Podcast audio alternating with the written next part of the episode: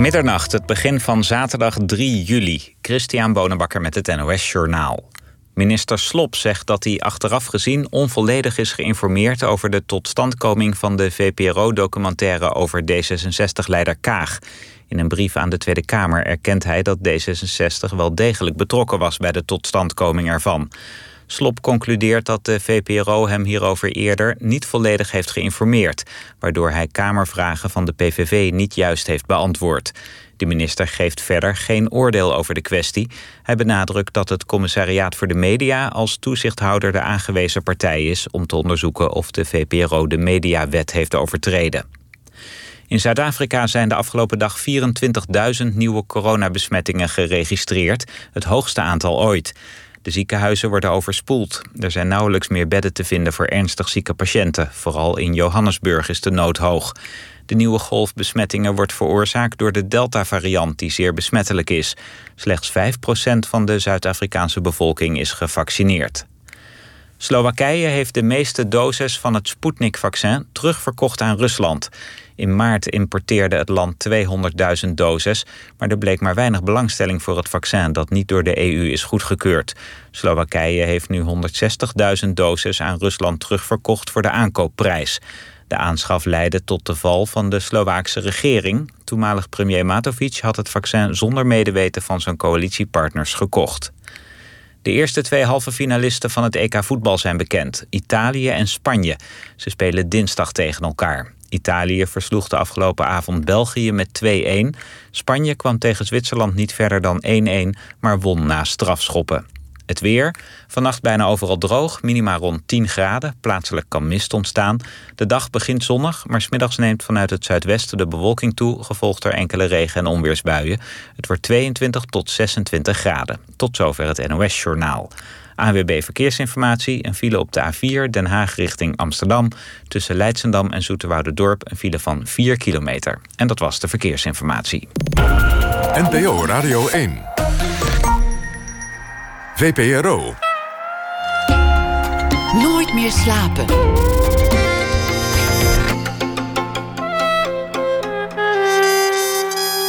Met Lotje IJzermans. Ieder mens heeft recht op een tweede kans. Tenminste, dat is een voornemen dat we als samenleving ooit genomen hebben. Als je een misdaad begaat, word je berecht, zit je je straf uit en zijn er nieuwe rondes, nieuwe kansen. Maar mijn gast van vanavond heeft een film gemaakt over mensen die vastzitten in iets dat hen ooit is overkomen en dat zich steeds opnieuw tegen hen keert. Voor hen geen tweede kans. Ze hebben namelijk gefaald als moeder, of beter gezegd, dat is ooit zo genoteerd in een dossier en blijft daar tot in de eeuwigheid aan me staan, hoe zij zelf en hun levens ook veranderd zijn. Ik praat dit uur met uh, Jorien van Nes over haar aangrijpende teledocfilm Goede Moeders... die aanstaande woensdag te zien is bij de KRO-NCRV op NPO 2. En die gaat dus over uh, nog een op hol geslagen bureaucratisch systeem hier in Nederland. Regisseur Van Nes maakte tal van documentaires en documentaire series... zoals onlangs nog met Ruben Terlouw, De Wereld van de Chinezen. Maar ze regisseerde ook speelfilms. In 2008 bijvoorbeeld won ze een Gouden Kalf voor haar film Den Helder. En in 2013 draaide draaide haar speelfilm A Long Story in de bioscopen. Vanessa is net 50, woont in Bloemendaal met man en zoon. Jorien, welkom. Dank je. We kennen elkaar, hè? want we hebben samen aan die uh, film A Long Story uh, gewerkt. Dat is ook alweer uh, zeven jaar geleden. Nu heb je dus deze film gemaakt, deze documentaire Goede Moeders. Hoe kwam dit verhaal tot je? Um, dat kwam heel langzaam tot me. Ik, uh, Sylvia van Kospot, de hoofdpersoon van deze film, die, uh, uh, zij is verloskundige. En zij was mijn verloskundige. En zij vertelde ehm, in die tijd wel eens over de plekken waar ze kwam. Uh, dat was driehoog achter, maar dat waren ook villa's of boerderijen in Friesland. Um, ik woonde toen in Friesland, dat moet ik mhm. even bij Zij zit in Harlingen. Zij zit in Harlingen, ja. ja. En, um, maar ze was net als ik Amsterdammer, of tenminste, een soort van Amsterdammer. Uh, Importfries in ieder geval. Ja. En, um, en ze kon heel goed vertellen. En zonder naam of toenaam te noemen, vertelde ze soms waar ze was, wat ze meemaakte. En toen dacht ik, mijn god, dat is een film. mag ik bij haar achterop? Zo'n soort gevoel had ik meteen bij haar. En, uh, en tegelijkertijd dacht ik, ja, wat zij vertelt, dat kan je natuurlijk nooit filmen. Want hoe kom je daarbij? Wie vindt dat goed? Mm, nou ja, dat plan was er en dat kwam af en toe weer naar boven. En dat werd ooit een serie en toen werd het weer een film. En nou ja, uiteindelijk heb ik het uh, uh, tot doc uh, geschreven. En ehm, nou, Eigenlijk zou het alleen gaan gewoon over het werk van een verloskundige, toch? In eerste instantie wel, ja. En al die verschillende gezinnen waar zij kwam. Um, en ook met verschillende nou ja, uitdagingen, om het maar zo te noemen. Weet je, dus misschien een vrouw die nog een huis moest vinden voordat ze beviel. Of een andere vrouw wiens relatie uh, nog op orde moest komen. Of, of weet ik veel. Maar gewoon per casus een ander probleem. Ja, ja. Ik had het gewoon even uh, in eerste instantie uh, vrij ruim genomen. Toen begon ik met filmen. En eigenlijk waren de eerste mensen die ik, of was de eerste zwangere vrouw die ik filmde, was Rihanna. Zij zit helemaal, daar begint de film ook echt mee. Mm, dat is ook echt het eerste wat we toen filmden. En zij uh, vertelde. Beschrijf haar eens, Rihanna. Nou, Rihanna is uh, eind 20, ik denk 7, 28. En zij woont in Harlingen. En zij was zwanger, dus ze kwam bij Sylvia. En Sylvia kende haar ook al van, van de vorige zwangerschappen. Ze heeft twee oudere zoontjes. En um, nou, die jongens die, um, die wonen niet meer bij haar, die waren uit huis geplaatst. En nu dat zij opnieuw zanger was, was zij, en dat zie je ook in de film, was zij bang. Van hoe gaat het dan met dit kind? komen ze dan weer? Weet jij waarom eh, de kinderen uit huis zijn geplaatst? Of, of is dat überhaupt een, een issue? Of gaat het daar niet over? Nou ja, waar zij wel. Um, kijk, wat in de film zit, dat heeft ze goed gevonden dat het in de film zit, zeg maar. Dus dat, dat is ook iets wat ik eh, wel mhm. moet, moet respecteren. Maar wat ik wel weet van haar is dat, dat er heel veel dingen zijn opgeschreven. waarin het vooral gaat over vermoedens. En, uh, vermoedens. Vermoedens, ja. En um, die niet bewezen zijn. Maar dat is, ik weet niet, het, dat schip is gaan, gaan kapseizen, zeg maar. En, en um, zij heeft zich daar niet meer tegen kunnen verdedigen. Ze zat ook in een vorige relatie. Um, die ging ook uit. Nou, met, met ook waarschijnlijk een, ja, dingen die dan niet eh, goed gingen. En um, ja, helemaal reconstrueren kan ik het niet. Maar ik zag nu een vrouw die opnieuw zwanger was met een nieuwe partner. En uh, die zo bang was voor, ja, voor de toekomst, voor de kans of zij nog moeder kon worden met dit kind. En dat vond ik, ik had het eigenlijk nog niet zo gezien. En Sylvia kende haar van die vorige zwangerschappen. En die, ja, die, die, die vond dat ook aangrijpend om te merken van, nou, weet je, van hoe ga ik haar begeleiden?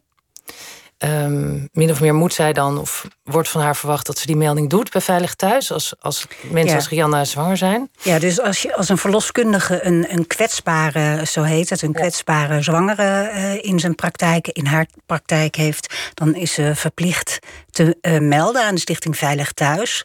Van hier is iemand wiens kinderen eerder zijn weggenomen, die nu opnieuw zwanger is. Ja, en waarom ze het eigenlijk ook wil doen, merkte ik, is dat ze het dan op een goede, uh, actuele manier kan doen. Dus dat zij dan ook in die melding heel goed kan vertellen van het gaat nu goed met haar. Um, ze heeft een nieuwe relatie, er is veel meer rust naar leven. Um, terwijl als je wacht bijvoorbeeld op de gezinsvoogden, die, die krijg je als je kinderen uit huis zijn geplaatst, dan ja, die, die, die warme, uh, oneerbiedig gezegd, een oud dossier op. En um, met de melding erbij. En dan, ja, dan dan gaat het weer beginnen. In, in jouw film zien we ook dat deze jonge vrouw graag hulp wil. Ook, ook psychologisch, om gewoon het dit keer helemaal goed te doen. Ja. Uh, en, en zij moet naar de rechter om te horen of haar kinderen, die dus nog klein zijn en al een tijdje in een uh, pleeggezin uh, zitten, of die bij haar mogen blijven. In, in, in jouw film zien we de twee kamers die ze heeft voor, voor deze kinderen in haar nieuwe huis. Best wel hartverscheurend, hè? Ja, dat twee, is Prachtig ingerichte kamertjes voor twee jongetjes die er niet zijn. Ja, ja dat, dat, dat is heftig. Dat uh, vond ik ook wel heel dapper dat ze het wilden laten zien. Ik heb dat natuurlijk ook wel echt gevraagd. En um, van of, ja, of, of, dat, of ze het goed vindt dat we dat dan filmen. Wat is een motivatie voor haar bijvoorbeeld om mee te doen aan jouw film? Nou, om dit allemaal te laten zien? Zij voelt wel dat haar onrecht is aangedaan. En uh, ze zegt ook in de film: Ik heb heus wel fouten gemaakt. Ik heb er hulp voor gezocht. Ik, uh, ehm, maar haar is gewoon geen tweede kans gegund. Dus op een gegeven moment kan ik me voorstellen dat die relatie tussen die gezinsvoogden en haar is dan minder geworden. En dan, dan verstrijkt de tijd. Dat is ook zo'n ding. Op een gegeven moment is de tijd gewoon een beetje op. Dan is er eerst een onderzoek van kunnen de kinderen terug naar huis. Dat onderzoek wordt afgesloten. Nou, in haar geval was dat niet positief. Toen heeft zij weer aan de rechter gevraagd: mag dat uh, onderzoek heropend worden? En dat zie je eigenlijk in de film. En dan beslist de rechter: nee, het gaat niet heropend worden. En tegen haar is gezegd: eh, door een gezinsvoogd, en het zit niet in de film, van ja, het gaat nu ook wel goed met je, dat zien we ook. En als het zo vorig jaar was met, je, met jou gegaan, dan had je die kinderen echt wel teruggekregen. En dat vind ik eerlijk gezegd, ja, um, hartverscheurend, want zij krijgt daarmee levenslang. Ja, want ze krijgt de kinderen dan pas terug als ze 18 zijn. In principe wel, ja, want het gezag is dan afgenomen nu. Ja. ja. Terwijl, hè, gelijktijdig wordt er wel een onderzoek gestart naar uh, het ongeboren kind, zoals dat dan heet. Daar komt iemand van de Raad van de Kinderbescherming langs. Die heeft een gesprek, ook met de nieuwe partner en ook met alle ouders. En dan is er eigenlijk niks aan de hand. Niet eens een onder toezichtstelling. En dan zou je dus logischerwijs toch kunnen bedenken van... oké, het gaat goed met haar. Kunnen die jongetjes niet terug? Die jongetjes zitten in verschillende pleeggezinnen.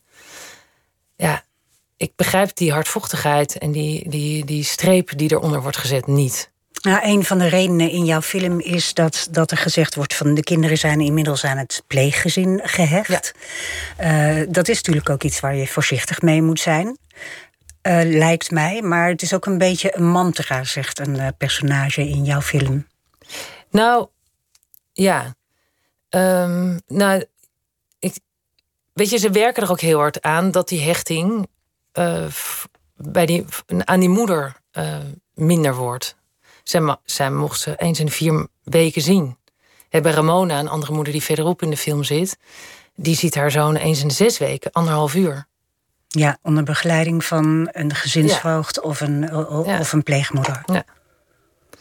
Wat voor hechting kan je dan nog onderhouden? Weet je, dus dat, dat, dat is natuurlijk een soort kip in het ei verhaal. Op een gegeven moment uh, wordt het gewoon heel lastig. Jij uh, hebt door je op die vroedvrouw te richten, heb je eigenlijk uh, een aantal van deze vrouwen in, in, in beeld gebracht. Hè? Uh, het thema van de film is het dilemma van die vroedvrouw. Van moet ik het nou melden aan de instanties als die vrouwen opnieuw zwanger zijn? Maar eigenlijk geef je gewoon prachtige portretten, mini-portretten van die vrouwen die dit overkomt. Er is een Afghaans gezin wiens kinderen worden weggenomen. En die zeggen van oh, we dachten dat we veilig waren in Nederland. Oké. Um, ja, er is ook een, een, een heel mooi of aangrijpend uh, verhaal van Geert en Angelique. Kun je wat over hun vertellen? Uh, Angelique, die um, als we beginnen te filmen, is zij net bevallen van haar vijfde kind. En, uh, en dat meisje is anderhalve week terug uit huis geplaatst. En um, eigenlijk en, om. En de aanleiding daarvoor? Geert had gezegd dat Angelique en de baby weg waren. En ze was even naar de moeder toegegaan op dat moment. En dat was een kort appje naar iemand die hun begeleidde uit mijn hoofd. En um, uh, daar, op, daar is een soort hele keten aan, dat is doorgebriefd. En uiteindelijk is daar enorme zorg uh, ontstaan bij alle instanties die bij hen betrokken waren. En, um, maar ze zijn niet naar ze toe gegaan. En dan hadden ze gewoon gezien dat die baby ook wel weer, weet je, dat Angelique weer thuis was gekomen met baby. Dat er eigenlijk niet zoveel aan de hand was. Maar in een soort paniekreactie uh, hebben ze gedacht: oh, die zijn ergens anders. Uh, die zijn, weet ik waar. En toen is dat meisje uit huis geplaatst, zijn gekomen. En, uh, de politie is gekomen met de hand op, op, op, de pistool. Ja.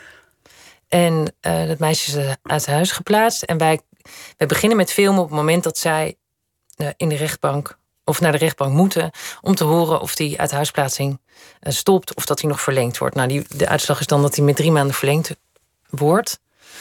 Uh, op dit moment is het meisje nog niet thuis. Mm, en dat nu, blijft twee jaar later. Nu, ja, anderhalf jaar later. Ja. ja. En, ehm, Terwijl zij gaf nog borstvoeding. Uh, in jouw film zit ze alsmaar te kolven. Heeft ze een diepvriezer vol met zakjes uh, moedermelk. Die nooit bij haar kind terechtkomen, want dat, nee. dat mag niet. Nee. Uh, er wordt eigenlijk niet met haar overlegd wat de procedure is, of er wordt haar geen geestelijke bijstand verleend. Um, een ander kind wat van haar weggenomen is, dan moet ze met een lege maxicosi de bus in. Um, er wordt gezegd dat ze een verstandelijke beperking heeft. Ja. Nou, zij is, je ziet in Angelique, hè, in, de, zie je wel iemand die, die murf gemaakt is. En kijk, want dat vertelt ze mooi. Het eerste kind, daar was zij zwanger van toen zij minderjarig was. Toen heeft zij zelf actief gezegd: Ik kan er niet voor zorgen. Ik heb geen huis, ik heb geen geld, ik ben hartstikke jong. En um, de kinderen die daarna kwamen, die, die, die werden gewoon copy-paste behandeld. Uh, zoals haar eerste kind. En, ja, dus uh, omdat ze zelf ooit heeft gezegd: Ik kan op dit moment geen goede moeder zijn. Ja. Uh, is daarna iedere zwangerschap, en ze heeft er vijf gehad, ja. zijn er vier kinderen weggenomen. nu, nu vijf. En, nu vijf. Ja, en het zesde kind, het jongetje, is nu bij hun thuis. Dat, en die mag wel blijven. Die mag opeens wel blijven. Ja. Het is, uh, als je er naar kijkt, dan denk je van. Uh, maar die mensen vergissen zich. Die vertellen een deel van het verhaal niet of zo. Mhm, Uh -huh, Want het is zo ongeloof, Mhm. uh, ongelooflijk wat hun overkomt. Je bent verdachte. Zij is een verdachte. En het lijkt wel alsof de, de mensen daaromheen op een manier kijken naar haar en naar hem. Van oké, okay, wat kan ik vinden? Wat zie ik? Wat, wat in het beeld past waarom dit ja, waarom zij eventueel niet voor het kind kunnen zorgen. Want uh, dat van haar gezegd werd dat ze een verstandelijke uh, beperking hebt, uh, heeft. Um, de, de vroedvrouw vraagt dan van wie heeft dat vastgesteld? Nou, niemand. heb je wel eens een IQ-test gedaan? Nee, nooit. Ja, vroeger op school was ik niet zo goed in rekenen, zegt ze dan heel verontschuldigend. Ja. Het is echt um, gekke werk. Ja. Nee, dat, het is ontluisterend. Ik, ik, ik, uh, ik, ik wist niet dat het zo ging. Ik dacht dat er veel beter. Ja, dat, kijk, ik begon ook met als er dan, als zoiets gebeurt, dan zal er wel van alles aan de hand Precies. zijn. Ja, dat... En dat zal in heel veel gevallen wel uh, ook zo zijn. En, um, um, maar er stijgt een soort patroon uit op waarin, waarin het lijkt alsof er welke feiten zijn nou echt onderzocht? Wat is nou echt bewezen? En hoe kan het dat dat vermoedens en insinuaties, zeg maar, toch verheven worden tot feiten. Want dat is eigenlijk wat er aan de hand is. Je leest in die rapporten gewoon een beetje ja, de indrukken van de dienstdoende raadsonderzoeker. En je moet maar mazzel hebben met wie dat is. Wat zijn dat voor, een, voor een, uh, observaties dan, die ze gedaan hebben? Nee, ik wilde die graag filmen. Ja. Ik dacht, laat me dat filmen. Dan gaan we zien hè, hoe dat in zijn werk gaat. Um, ik dacht, privacy kan geen probleem zijn, want deze ouders willen. Dat hebben we al voor, voor de bakker. Maar dat mocht niet. Uiteindelijk, uh, ik had zelfs wel één raadsonderzoeker die zei: ja, ja, nou ja, dat is goed. Maar uiteindelijk kom je bij de Raad van de Kinderbescherming, bij de persverlichting. En die willen dat gewoon niet hebben in verband met privacy. Ja. Misschien van de raadsonderzoeker, dat kan natuurlijk ook. Ja. Um, uit huisplaatsing is natuurlijk het alle, alle, alle, allerlaatste middel ja. waar uh, uh, een, een, rechter, een kinderbescherming, een jeugdzorger uh, naar grijpt. Hoe kan het dat dat dan toch zo nonchalant lijkt plaats te vinden? Nee, ik weet niet of het nonchalant plaatsvindt, maar het is een soort. Um, er wordt een soort koers gevaren op een gegeven moment met iemand. En het lijkt wel alsof alle, alle puzzelstukken die daarvoor nodig zijn, die worden gewoon gevonden. En. Um, en dat zo'n raadsonderzoeker zegt van, nou, ik, weet je wel, gezien het verleden weten we niet zeker. Zijn er zorgen over hoe het eventueel zou gaan in de toekomst? Dat zijn allemaal zwaarwegende observaties. Ja. Maar het is zo vaag als, als maar kan, toch? Ja, er wordt vaak gezegd, nu gaat het goed, maar gezien het verleden ja. zijn er toch zorgen voor de toekomst. Ja. Er is een pedagoog in, jou, uh, in jouw film die zegt, uh, de hele keten is verrot. 60 procent uh, van de uithuisplaatsingen is onterecht. Best wel een heftige uitspraak. Ja, hij heeft een heel aantal onderzocht. En um, um, kijk, hij zegt dat omdat hij nou, heel veel mensen ook bijstaat. Hij heeft ook een stichting waarbij hij opkomt voor deze ouders. Hij heeft ook na het filmen heeft hij voor Angelique en Geert heeft hij heel veel gedaan. Heeft hij eigenlijk de hele communicatie overgenomen tussen hun en uh, de Raad van de Kinderbescherming. En ze enorm bij de les gehouden. dus gewoon echt stapsgewijs zet. Oké, u beweert dit, waar heeft u dat vandaan? Hoe, nou ja, wat hij wat eigenlijk ook voordoet in de film. Hè, van iemand pakt een biertje, is dan meteen alcoholist. En dan, dan zegt hij, ja, maar dan moet je het gewoon ontleden. Ja. Ehm, Heb je flesjes zien staan? eh, hoe vaak drinkt hij dat Ja. bier? Dat soort dingen. ja, want al die vage soort observaties, dat, dat schept een beeld wat niet fraai is. Maar ja, weet je wel, het, het is maar degene die binnenkomt. De, hoe die kijkt. En die komt niet voor niks binnen. Die komt daar binnen vanwege een zwaarwegende reden. Weet je, die komt observeren of zij wel deugen als ouders. Hij zegt het, is, eh, het zijn veronderstellingen, interpretaties. Ja. En het is nooit empiri- empirisch onderzoek. Hè? Het Nee. is nooit eh, meten of wegen of eh, dat helemaal Nee, het is een soort. soort ehm, ja, ze observeren. En kijk, ehm, wat er nu goed is gegaan, en dat is na het, na, het, eh, na het filmen gebeurd, is dat Angelique en Geert zijn toen onder. eh, het is, zijn geobserveerd. Hè, daar eindigt de film ook mee. Met dat ze wekelijks geobserveerd zijn door iemand eh, thuis. Sylvia ging er ook wel vaak bij zitten. Gewoon om te kijken van oké, hoe kijkt ze? Op welke zaken worden, worden ze beoordeeld? Want dat is eigenlijk ook vaag. Dat weten die ouders eigenlijk vaak helemaal niet. Hoe kijken ze nou precies? En dan, dan eh, was het ook wel eens van nou, eh, kan je even voordoen eh, hoe je speelt met het kind? En dan kan je dan nu de fles geven. En, ehm, maar wat wel goed was, dat Sylvia was er gewoon bij. Die kon dan gewoon kijken als een soort getuige zonder dat zij belanghebbend was. Van nou ja, hoe observeert zo'n vrouw en hoe kijkt ze naar die mensen. Maar goed, die vrouw heeft dat gedaan en die, die schreef eigenlijk een prachtig rapport over hoezeer zij eh, goed voor dit jongste jongetje konden zorgen. Dus daarom mag ze haar zesde kind houden. Is er Ja. nou nog een kans dat die vijf andere kinderen terug mogen? Ja, dat is dus het idiote. Ze kreeg dus dat rapport van dat ze deu- deugt als ouders.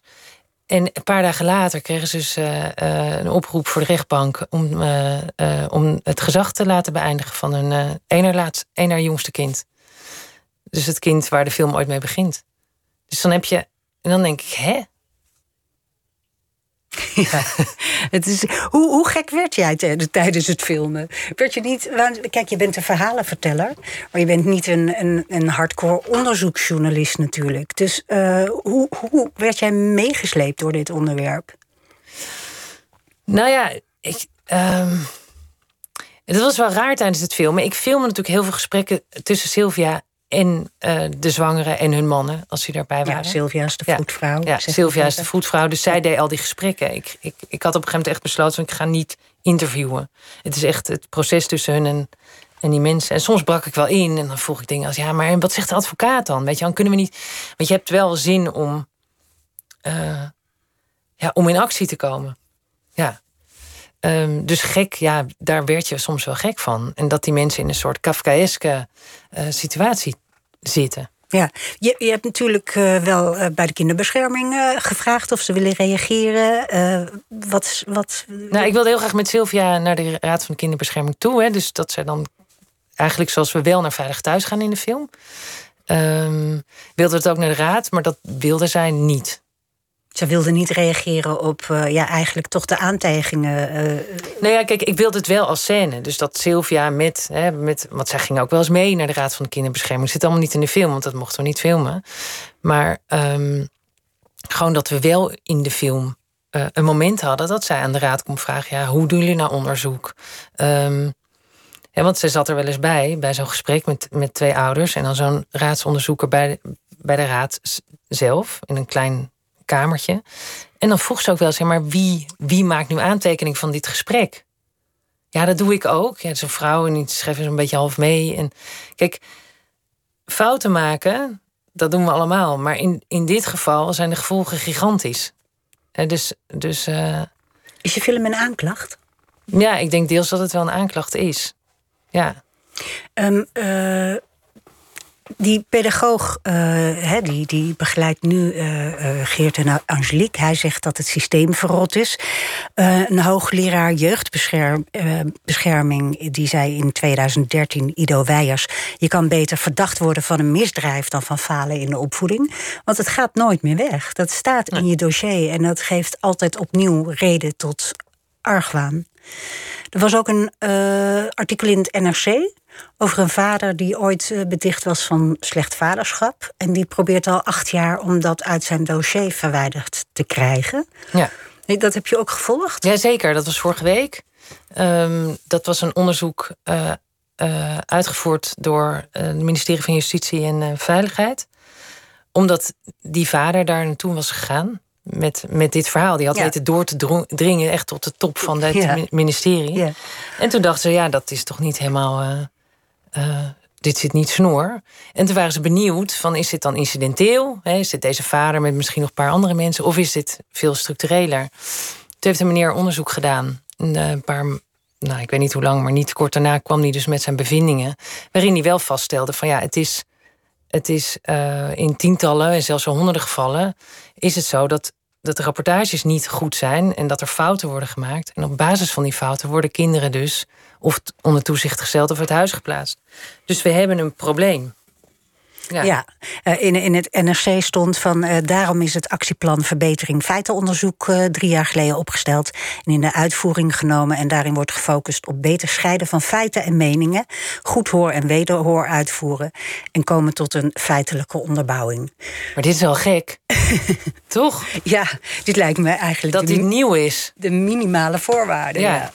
Ja. Nee, maar daarmee geven ze eigenlijk ook wel aan, ja, dat zat niet helemaal eh, op orde. Maar dat, dat, dat is in dit geval, zijn die gevolgen veel te groot en te dramatisch. Ja. Hoeveel kinderen eh, worden er in Nederland uit huis geplaatst per jaar? En hoe Ja, die- verhoudt dat zich tot andere landen in Europa? Ja, die cijfers die, die, die wisselen een beetje per, eh, per bron. Maar wat ik, het laatste wat ik heb gezien is iets van 43.000. En dat, dat, ehm, dat vond ik wel opmerkelijk dat na die eh, decentralisatie van de jeugdzorg, dus dat het in 2015 dus naar de gemeente, Gemeente is gegaan, toe, ja. toe ging, ehm, is het, was eigenlijk de bedoeling dat het minder zou worden, maar het is juist meer geworden. Dus dat, ehm, ja, dat is dan niet helemaal gelukt. En hoe verhoudt het tot, tot de getallen in andere landen, weet je dat? Ja, daar, dat is lastig. Harry Bernsen zegt er wel iets over. Maar Nederland is een, volgens mij een flinke middenmotor. Ja. Ja. Maar het is dus overal moeilijk. Ja. Ja. het is natuurlijk ook een ontzettend moeilijk gegeven. Kijk, het huisplaatsing, dat is zo extreem. Als je er maar één splinter van probeert voor te stellen... dat er gewoon iemand aan je deur komt om je kind mee te nemen... omdat jij niet deugt. En vervolgens moet je een heel traject in om, om een betere opvoeder te worden... wat totaal, ja, waarin je bent overgeleverd aan de inzichten van een, eh, van een jeugdzorgorganisatie... Ehm, dat is best een extreme gang die, die deze vrouwen en, en vaders eh, maken. En ehm, ten meer ook omdat ze vaak helemaal geen grip hebben of controle hebben of in, inspraak hebben en van hoe, oké, wat schort er dan aan mij als opvoeder en hoe gaan we dat dan allemaal repareren? Weet je, wat, wat is daarvoor nodig? Meest ontluisterende dat was bij Angelique en Geert. Op een gegeven moment hadden ze hun voorgesteld. Kind was uit huis geplaatst. Ze hadden geen baby thuis, nog een ander kind. Van nou, dan moeten jullie maar in een gezinsinstelling gaan wonen. Nou, dan word je eigenlijk geobserveerd als ouders, normaal met kind. En toen zei hij, dit is trouwens niet een film. Ja, wat moet ik daar, wat moet ik daar doen? Moet ik daar met een pop gaan zitten? Wat, hoe kan ik hun laten zien dat ik het kan? En wat was het antwoord? Nou ja, ze wilden dat niet. En dan krijg je ook al vrij snel eh, de, de verdachtmaking van... nou, die ouders willen helemaal niet meewerken. Ja. En dat laatste, dat klinkt niet zo heel spannend... maar dat is het wel. Want als je, dat, als je die vink achter je naam krijgt... dan ben je best wel een aap gelogeerd. Ja. Voorafgaand aan, aan deze film. Ja, nee, nee, ik wil nog even weten. Wat, wat hoop je met deze film te bereiken? Nou, Nee, ik, ik, nou ja, goed. de- ik hoop dat er een discussie komt over ehm, eh, hoe precies, hoe nauwkeurig wordt nou precies die, die eh, rapportages gedaan. En kan je het veroorloven om het aan mensen over te laten die gewoon fouten maken? Of daar niet genoeg voor opgeleid zijn. Ik bedoel, wat jij nu net vert- vertelt hè, over dat, dat eh, verbetering feitenonderzoek. Ja, dat moet al staan als een huis. En als dat niet staat als een huis, neem je dus eigenlijk bewust het risico van dat de kinderen uit huis worden geplaatst. Zon, op basis van foute reportages. Als je zegt dat iemand eh, verstandelijk gehandicapt is, ja, dan denk je op een afstand, hè, als je die vrouw verder niet kent, nog haar specifieke situatie. Ja, nou ja, dat kan ook niet, zo'n kind daar. Weet je, dan moeten we wat aan gaan doen. Terwijl dan blijkt dat niemand dat gemeten heeft. Het was een vermoeden van iemand, maar dat, is, dat, dat blijft er Ja. gewoon in staan. Ja.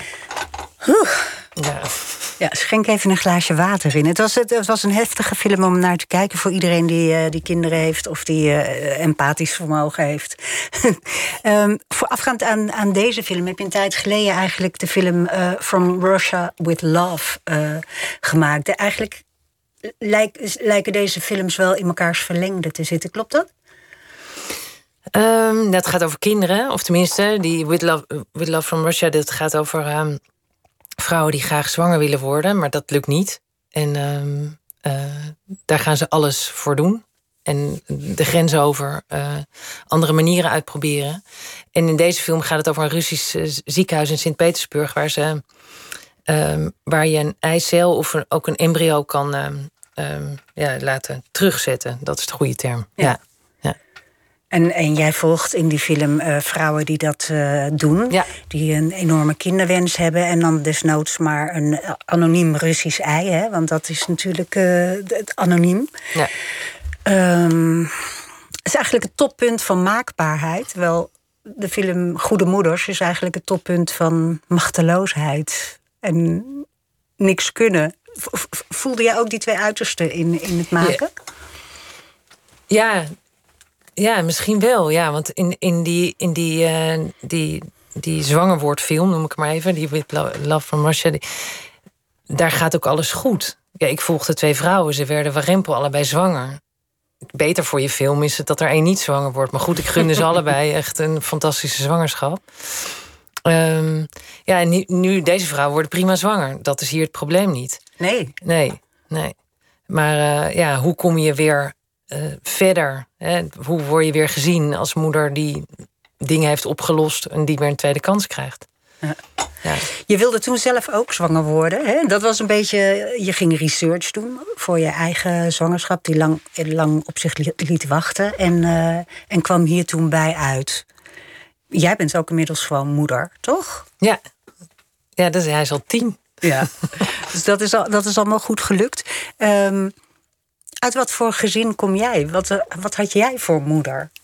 Ik, had een hele ik heb een hele leuke moeder. Ze is er nog steeds. Um, ik had een grote zus, 2,5 jaar ouder. En ik had een moeder. En mijn moeder die was um, ja, eigenlijk een prima moeder, denk ik. Achteraf. Ja, weet je, als kind kan je ook niet zo heel goed een helder oordeel vellen over je moeder, denk ik. Nee, als kind niet, maar als vrouw van 50 wel. Ja, nu wel. Ja, ze deed enorm de best. Ze was er voor ons.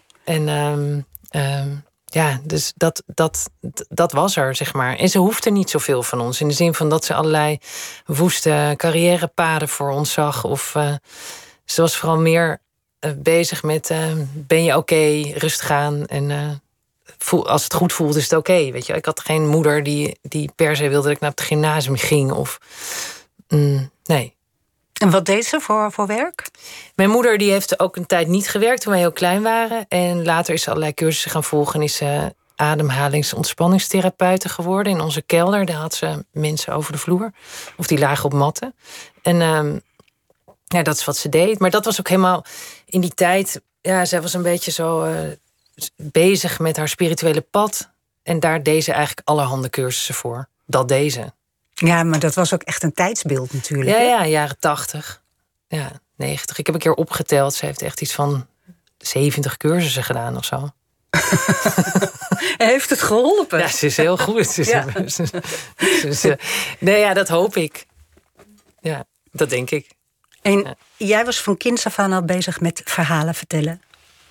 Ja, um, achteraf wel, ja. Want dat, dat, zo kan, je, kan ik wel terug reken, ja, ja. Ik, ik maakte kerstspelen, maar goed, dat was natuurlijk niet om aan te kijken. Maar voor die ouders was dat leuk, want hun kinderen zaten erin. Wat deed je dan?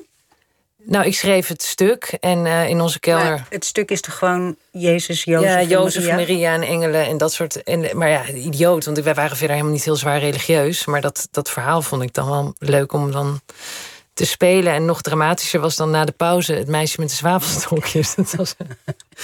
maar dat, dat deed ik vanzelf, zeg maar. En mijn moeder vond het allemaal prima. Dat was eigenlijk heel leuk. Ja, ze vond het best. Ga maar doen. En, en dat je voor je beroep verhalen wilde gaan vertellen, dat kwam pas heel veel later. Uh, drong dat tot je door, of niet? Um, Ja, op een gegeven moment was het zo van... Uh, dan ga je naar de middelbare school. En toen ontdekte ik eigenlijk dat ik eigenlijk best wel prima kon studeren. Dat ik het allemaal wel aankon en zo. Want ik was op de lagere school inderdaad veel meer bezig met verhalen. En uh, ook op het plein uh, maakte ik een soort...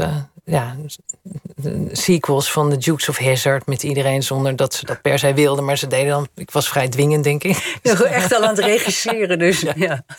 En dus met die kerstspelen. En um, en toen ging ik naar de middelbare school en toen ontdekte ik ook, oh ja, ik kan het eigenlijk best wel prima aan. En toen heb ik eigenlijk alles overboord gegooid en ben ik enorm gaan studeren en, en kijken van, oké, ik kan naar de HAVO, ik kan ook naar het VWO en moet je mij eens kijken. En dan word je daar dus uitgespuugd en dan denk je, oh ja, maar wat moet ik dan ik kan dus heel goed opdrachten uitvoeren, maar wat, ik was het ook een beetje kwijt. En waarom, je moeder was ontspanningstherapeut en, en, en heel spiritueel, waarom moest jij zo nodig uh, uh, presteren? En... Ja, het irriteerde me natuurlijk ook enorm, zeg maar. Dat gezoek naar jezelf en dat, dat je navel als middelpunt van de wereld. En, en ik werd daar ook kriebelig van. Weet je, we hadden echt zondag, dan liepen mijn zus en ik op onze tenen over de trap. En er zat er weer een soort supportgroep, allemaal stil te zijn en elkaars handen vast te houden. En ik dacht, jongens, we moeten de wereld in, we moeten de wereld ontdekken. En we moeten hier niet eindeloos naar onszelf gaan kijken totdat we ons goed voelen. Mm. Dus ik heb me daar ook wel tegen afgezet. Ja. En dat mijn moeder ik hoefde helemaal niet zo hard te studeren van haar. Ze zei, joh, kom maar lekker thee drinken beneden. Uh, je hebt nou al een uur uh, huiswerk gedaan. Dus het was eigenlijk een soort mijn verzet naar haar. Ja. ja, ja. Zij vond het allemaal overdreven. Ja. Um, je hebt, je hebt um, drama gedaan. Hè? Dus die eh, de speel, speelfilms. Je hebt ook nog een, een speelfilm volgens mij met Waldemar Torenstra gemaakt. Ja? En, en je hebt heel veel documentaires gedaan. Waar, waar ligt je hart? Ja, het hart, mijn hart ligt eigenlijk gewoon vooral bij het verhaal. Ja, dus de film die wij samen hebben gemaakt, de Long Story, dat, dat verhaal was zo prachtig. En um, um, dat, ja, dat voelde gewoon meteen goed. En natuurlijk hebben we daar enorm lopen zoeken, ook samen met elkaar. Van oké, wat, hoe vertellen we het? En, maar het was een waarachtig mooi verhaal. En, um, maar goed, dat heeft dan iemand geschreven. Hè? In, jij dus. Ik, in, dit, geval. Maar uh, dat heb je altijd met drama, dat iemand het schrijft en iemand het regisseert. Maar met documentaire heb je dat ook. Heb je ook een prachtig verhaal, zoals je nu hebt gemaakt met Goede Moeders. Maar uh, ja, er is in essentie iets heel anders. Wat past beter bij je? Ja, dat weet ik niet zo goed. Op dit moment denk ik. Um, nee, wat ik eigenlijk altijd heb van als je een verhaal hebt, dan kijk je van is dit beter fictie? Moet je dit beter via de via drama vertellen of beter documentaire. En de laatste tijd is dat gewoon meer documentaire geweest. Ook omdat die ideeën dan, of ik zie daar meer verhalen voor en denk van oké, dat ja, zij, weet je, ik kan wel op basis van haar leven een, een, leuke serie gaan schrijven. Kan ook, hè? op basis van het leven van Sylvia van Kospot, dan kan je ook een serie schrijven en dan kan je alle verhalen erin zetten. Ook verhalen waar je niet bij komt. Maar ik vond het, ja, ik vind het ook tien keer spannender dat het echt is. Toch wel? Ja. En als het fictie is, dan moet het ook bijna echt lijken. Dat, ja. Ja, je hebt wel een soort uh, hybride vormen hè, tegenwoordig, zoals uh, Klasse en Schuldig, de documentaire uh, series van de Human. daar is ook een dramaturg bij betrokken. Die, ik, dat vind ik geweldig, want het is natuurlijk een goed verhaal moet uit allerlei dingen bestaan. En het maakt niet uit of het echt is of niet echt. Of zie jij dat anders? Dat die grenzen een beetje uh, verdwijnen tussen documentaire en fictie? Ja, maar ik denk toch als je met echte mensen filmt. Kijk, ik heb vroeger ook mockumentaries gemaakt. En ik heb er een groot feest van gemaakt, zeg maar, van verzinsels. En, uh, en dat zo echt mogelijk verfilmen. Maar dat doen zij niet. Zij... Nee, dat doen zij niet. Zeker niet. Nee, nee, nee. Nee, ze, ze leggen er een laag op. Kijk, met Ruben Terlouw, met, met de serie van de Chinezen, deden we dat natuurlijk ook. Dus dat er nog een soort vertellaag overheen komt via die voice-over. Um, um, dat kan je doen. Uh, ik heb deze film met Sander Vos gemonteerd. En ik kwam van het project hè, samen met Ruben, de Chinezen. En ik merkte dat ik enorme aanvechting had om weer een voice-over te gaan schrijven. Om daar nog meer sturing in uh, kijkrichting, hè? Kijkrichting, met ja. een uh, voice-over. Ja. ja. precies. En hoe kijk je en hoe kan je... Je kan ook allemaal extra dingen kwijt. En um, en hij was wel goed, want hij zei: nee, nee, nee, we gaan echt het op het verhaal monteren. En, eh, en op de personages. Want daar is hij heel, weet je, dat, dat, dat, eh, daar is hij heel knap in. Dat hij, dat hij echt alleen maar naar. Hij kan echt op blikken en op, ja, op, op emotie eigenlijk het in elkaar zetten. Mm, en daar hebben we het toen heel erg op. Ja, dat is ook heel goed gelukt in, in deze film, omdat je echt heel erg meeleeft, inderdaad. En het is een hele emotionele film. Emotionele film. Ehm, als je het hebt over Ruben Terlouw, hè, de serie die je hebt gemaakt met hem over de, de wereld van de Chinezen. Hoe, en je vergelijkt dat met het uh, uh, regisseren van een acteur. Ik neem aan dat je Ruben ook heel erg eigenlijk uh, bijna als een acteur neerzet. Nee, dat is, nee, dat is toch niet zo? Nee. Nee, misschien lijkt het erop als hij uh, ergens binnenkomt of een loopje moet doen, zoals dat dan heet. Maar op het moment dat hij die gesprekken voert, dan is hij gewoon aan zet samen met die, met die persoon die hij interviewt. Het is in het Chinees, weet je, dat hele verhaal, dat, dat maakt hij op dat moment. En dan, ja, dan was het voor jou als regisseur om, om met Ruben Terlouw te werken, die geweldig Chinees praat en, en, en hele intieme gesprekken heeft met al die Chinese mensen in, in verre buitenlanden en jij verstaat er geen moer van op te zetten? Nee, dat is best gek. Ja. Soms dacht ik, ik versta het gewoon omdat je enorm gaat fixeren op wat er allemaal gezegd wordt. En uh, je kent natuurlijk wel de verhalen waarom je iemand gaat filmen of waarom je welk gesprek je ongeveer wil doen. En tussentijds vertaalde hij ook wel af en toe. En um, uh, dus in die zin volgde ik het wel. Maar wat je normaal hebt in zo'n serie is dat iemand praat en dan krijg je dat allemaal mee en dan kan je al scènes voor daarna gaan verzinnen. Of, uh, maar ja, dat was nu een fractie later. Het maakte ook niet zo heel veel uit. Ja, moest je het eerst even bespreken. Ja, en, ja, en, had je een, een, tolk bij je, neem ik aan, of niet? Of dat was nee, Ruben gewoon? Die serie, die, de, de Wereld van de Chinezen, was een hele succesvolle serie. En het ging natuurlijk over uh, economie en over um, een nieuw soort kolonialisme. Maar wat ik ervan over heb gehouden, van het bekijken, was vooral een, een beeld van enorme eenzaamheid. Ja. ja, die Chinezen gaan er gewoon op uit om te doen wat van hun verwacht wordt. En uh, tegen elke kost. Het, ja, het, het, maakt. Weet je, het, het collectief, het, het, hetgeen waarvoor ze het doen, dat stijgt ook boven hun uit. En dat, dat, uh, maar dat maakt ze heel eenzaam. En dat is ook heel knap. En van Ruben, die komt ook altijd wel op, die, op dat gebied in die gesprekken. Ja, die gesprekken zijn heel lang. Ja? Ja, die zijn lang. Dus uiteindelijk hem, maakt hij ook een sfeer in die gesprekken, waardoor die mensen ook ja, als te biecht gaan bijna. Of zich eindelijk gezien of, en hoe of doet hij dat? Ja, hoe die.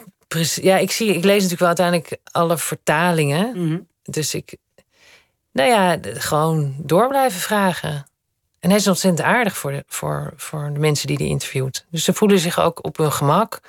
En ze voelen ook dat ze hem kunnen vertrouwen. En ik denk dat dat, ja, dat, dat, dat, dat een kunst is.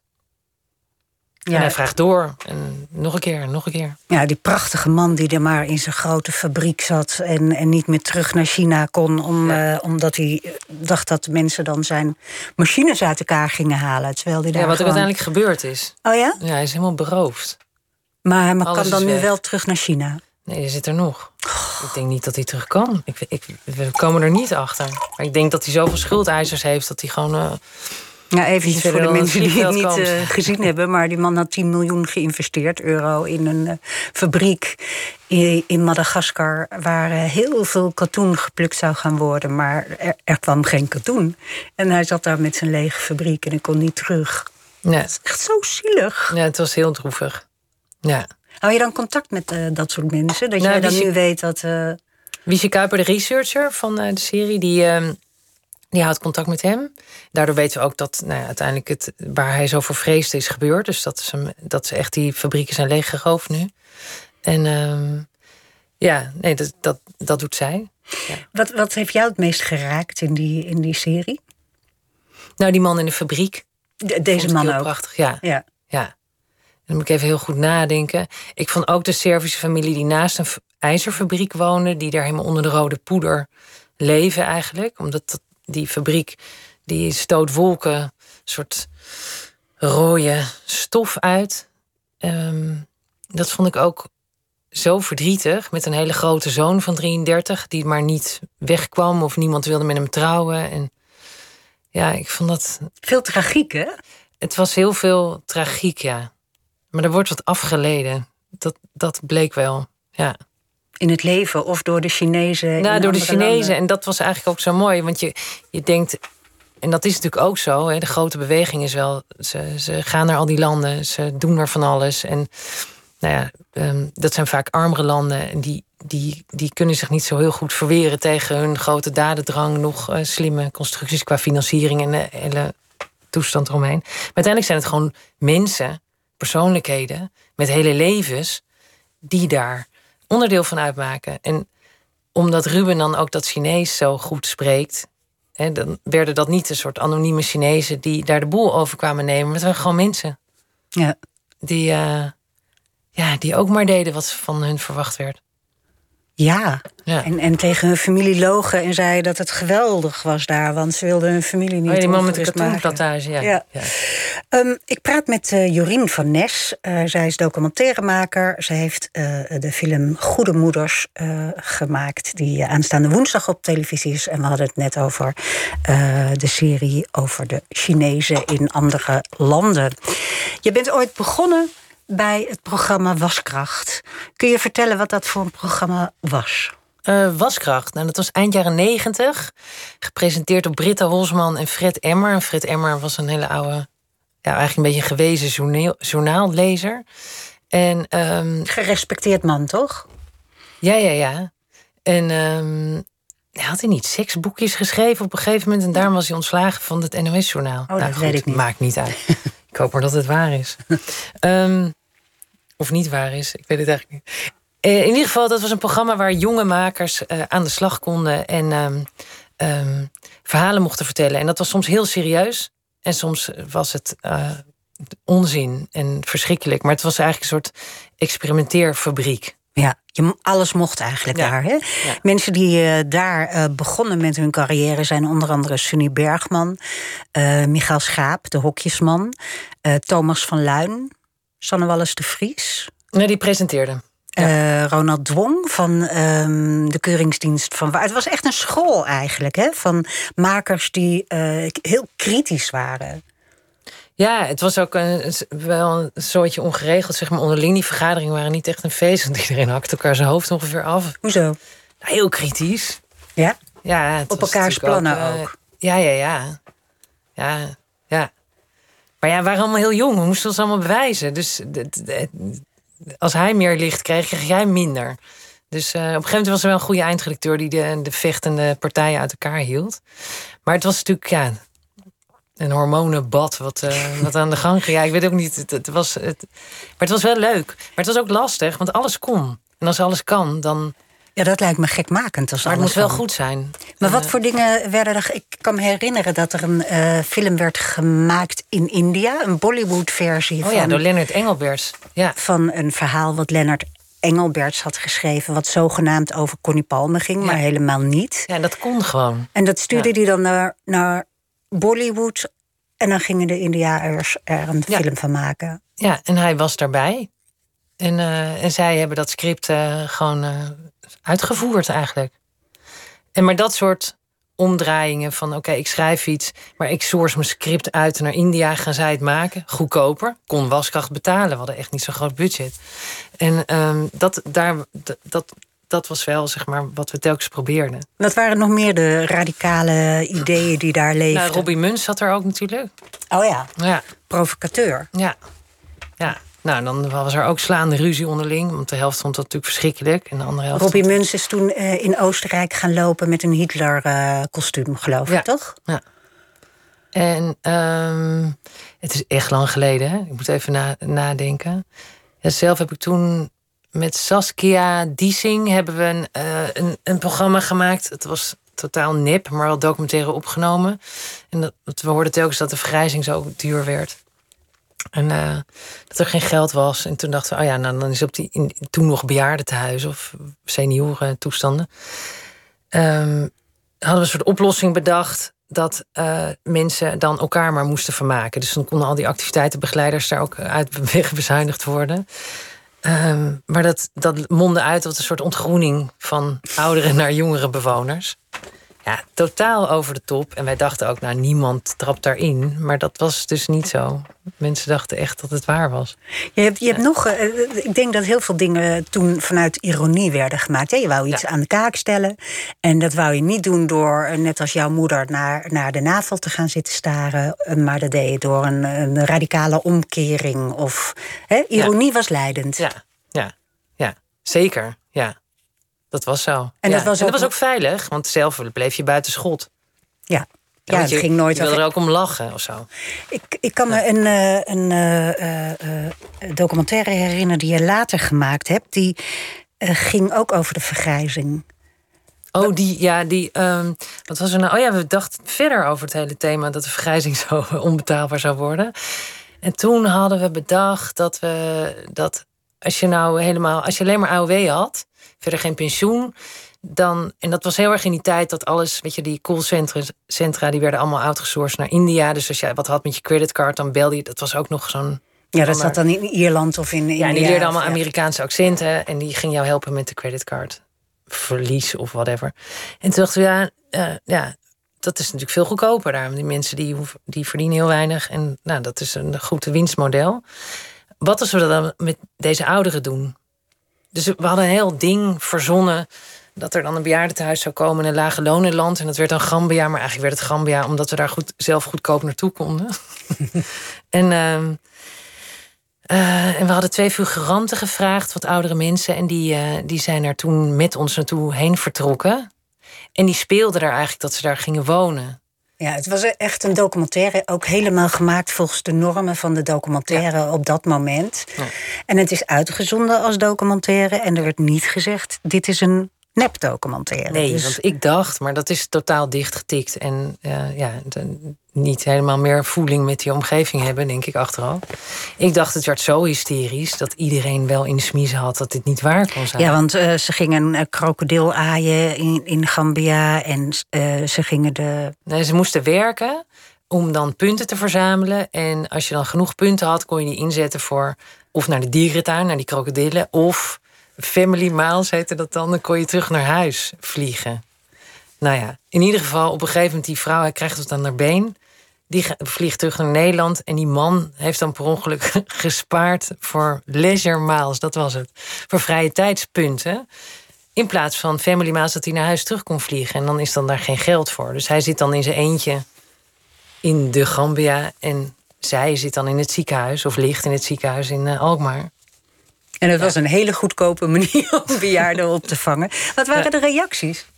Nee, ja, dat, ik weet wel dat, eh, dat wij toen wel eh, een recensie kregen van, eh, hoe heet die? Ehm, Beers. Ehm, van ja, je moet mensen wel debrieven en dat kan niet. En, en iemand wilde de Tweede Kamer vragen over stellen. Maar toen moest de VPRO heel snel zeggen... ja jongens, het was een mockumentary. Het was gewoon totaal verzonnen.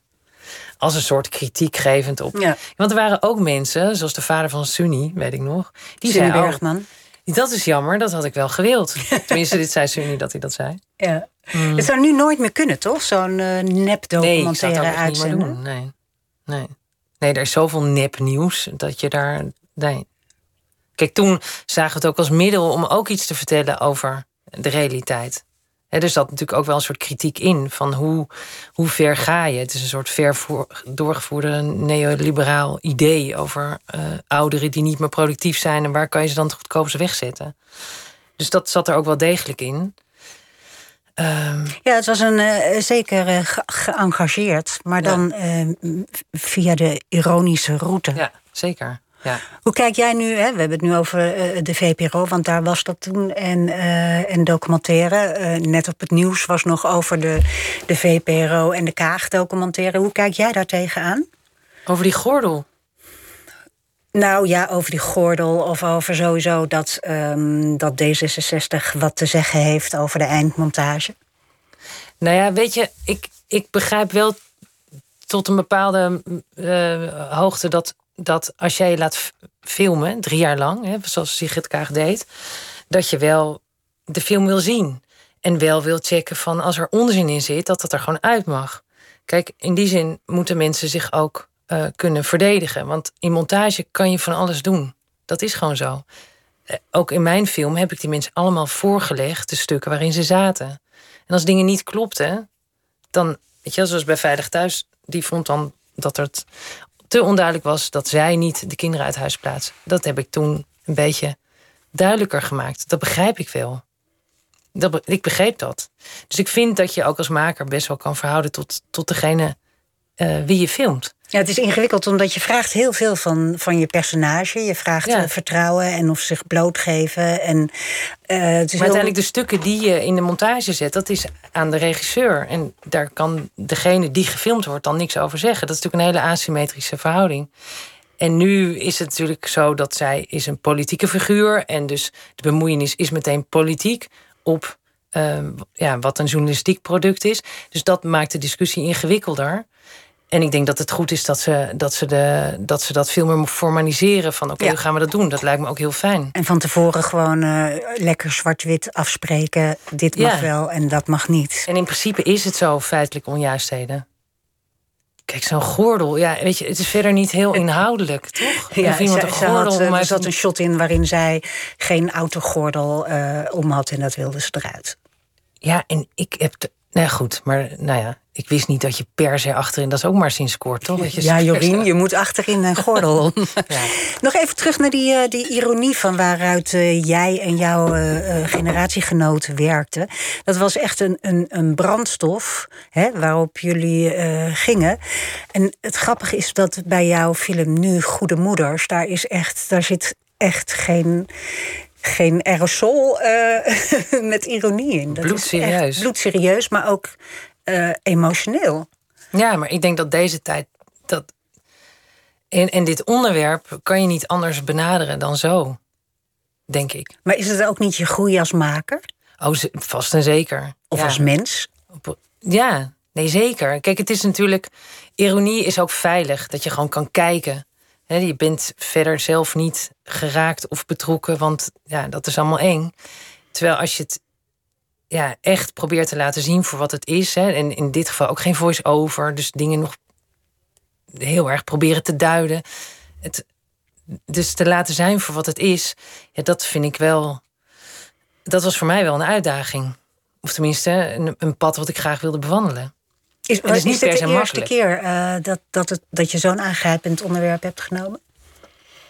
Ja, ik denk het wel. Het is wel het meest verdrietige wat ik ooit eh, heb gemaakt, denk ik.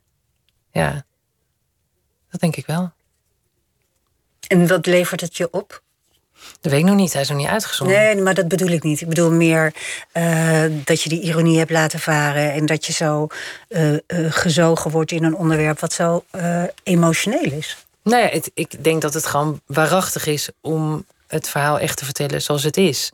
En dat je mensen geen geweld aandoet met, eh, met rare boekensprongen... omdat jij nou zo graag een hele bijzondere ironische film wil maken. Dat kan wel, maar dan moet je mensen echt deelgenoot maken van het filmproces.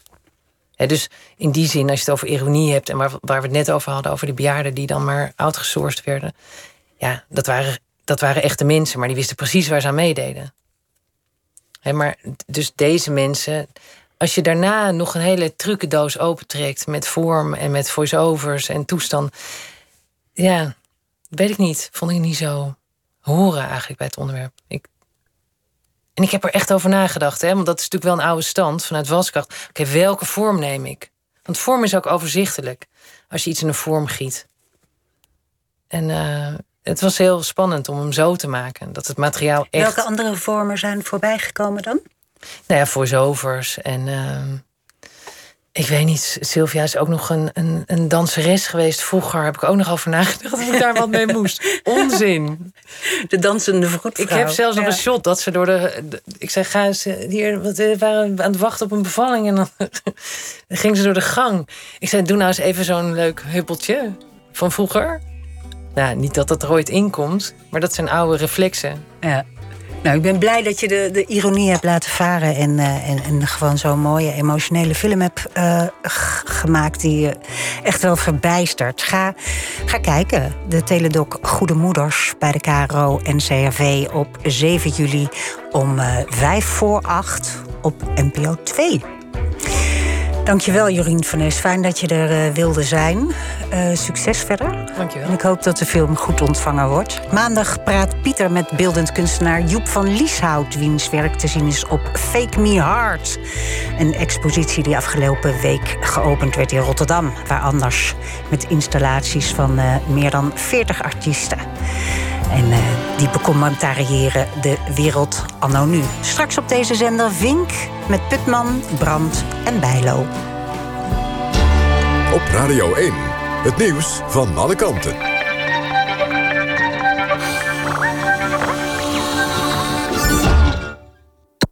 NPO Radio 1.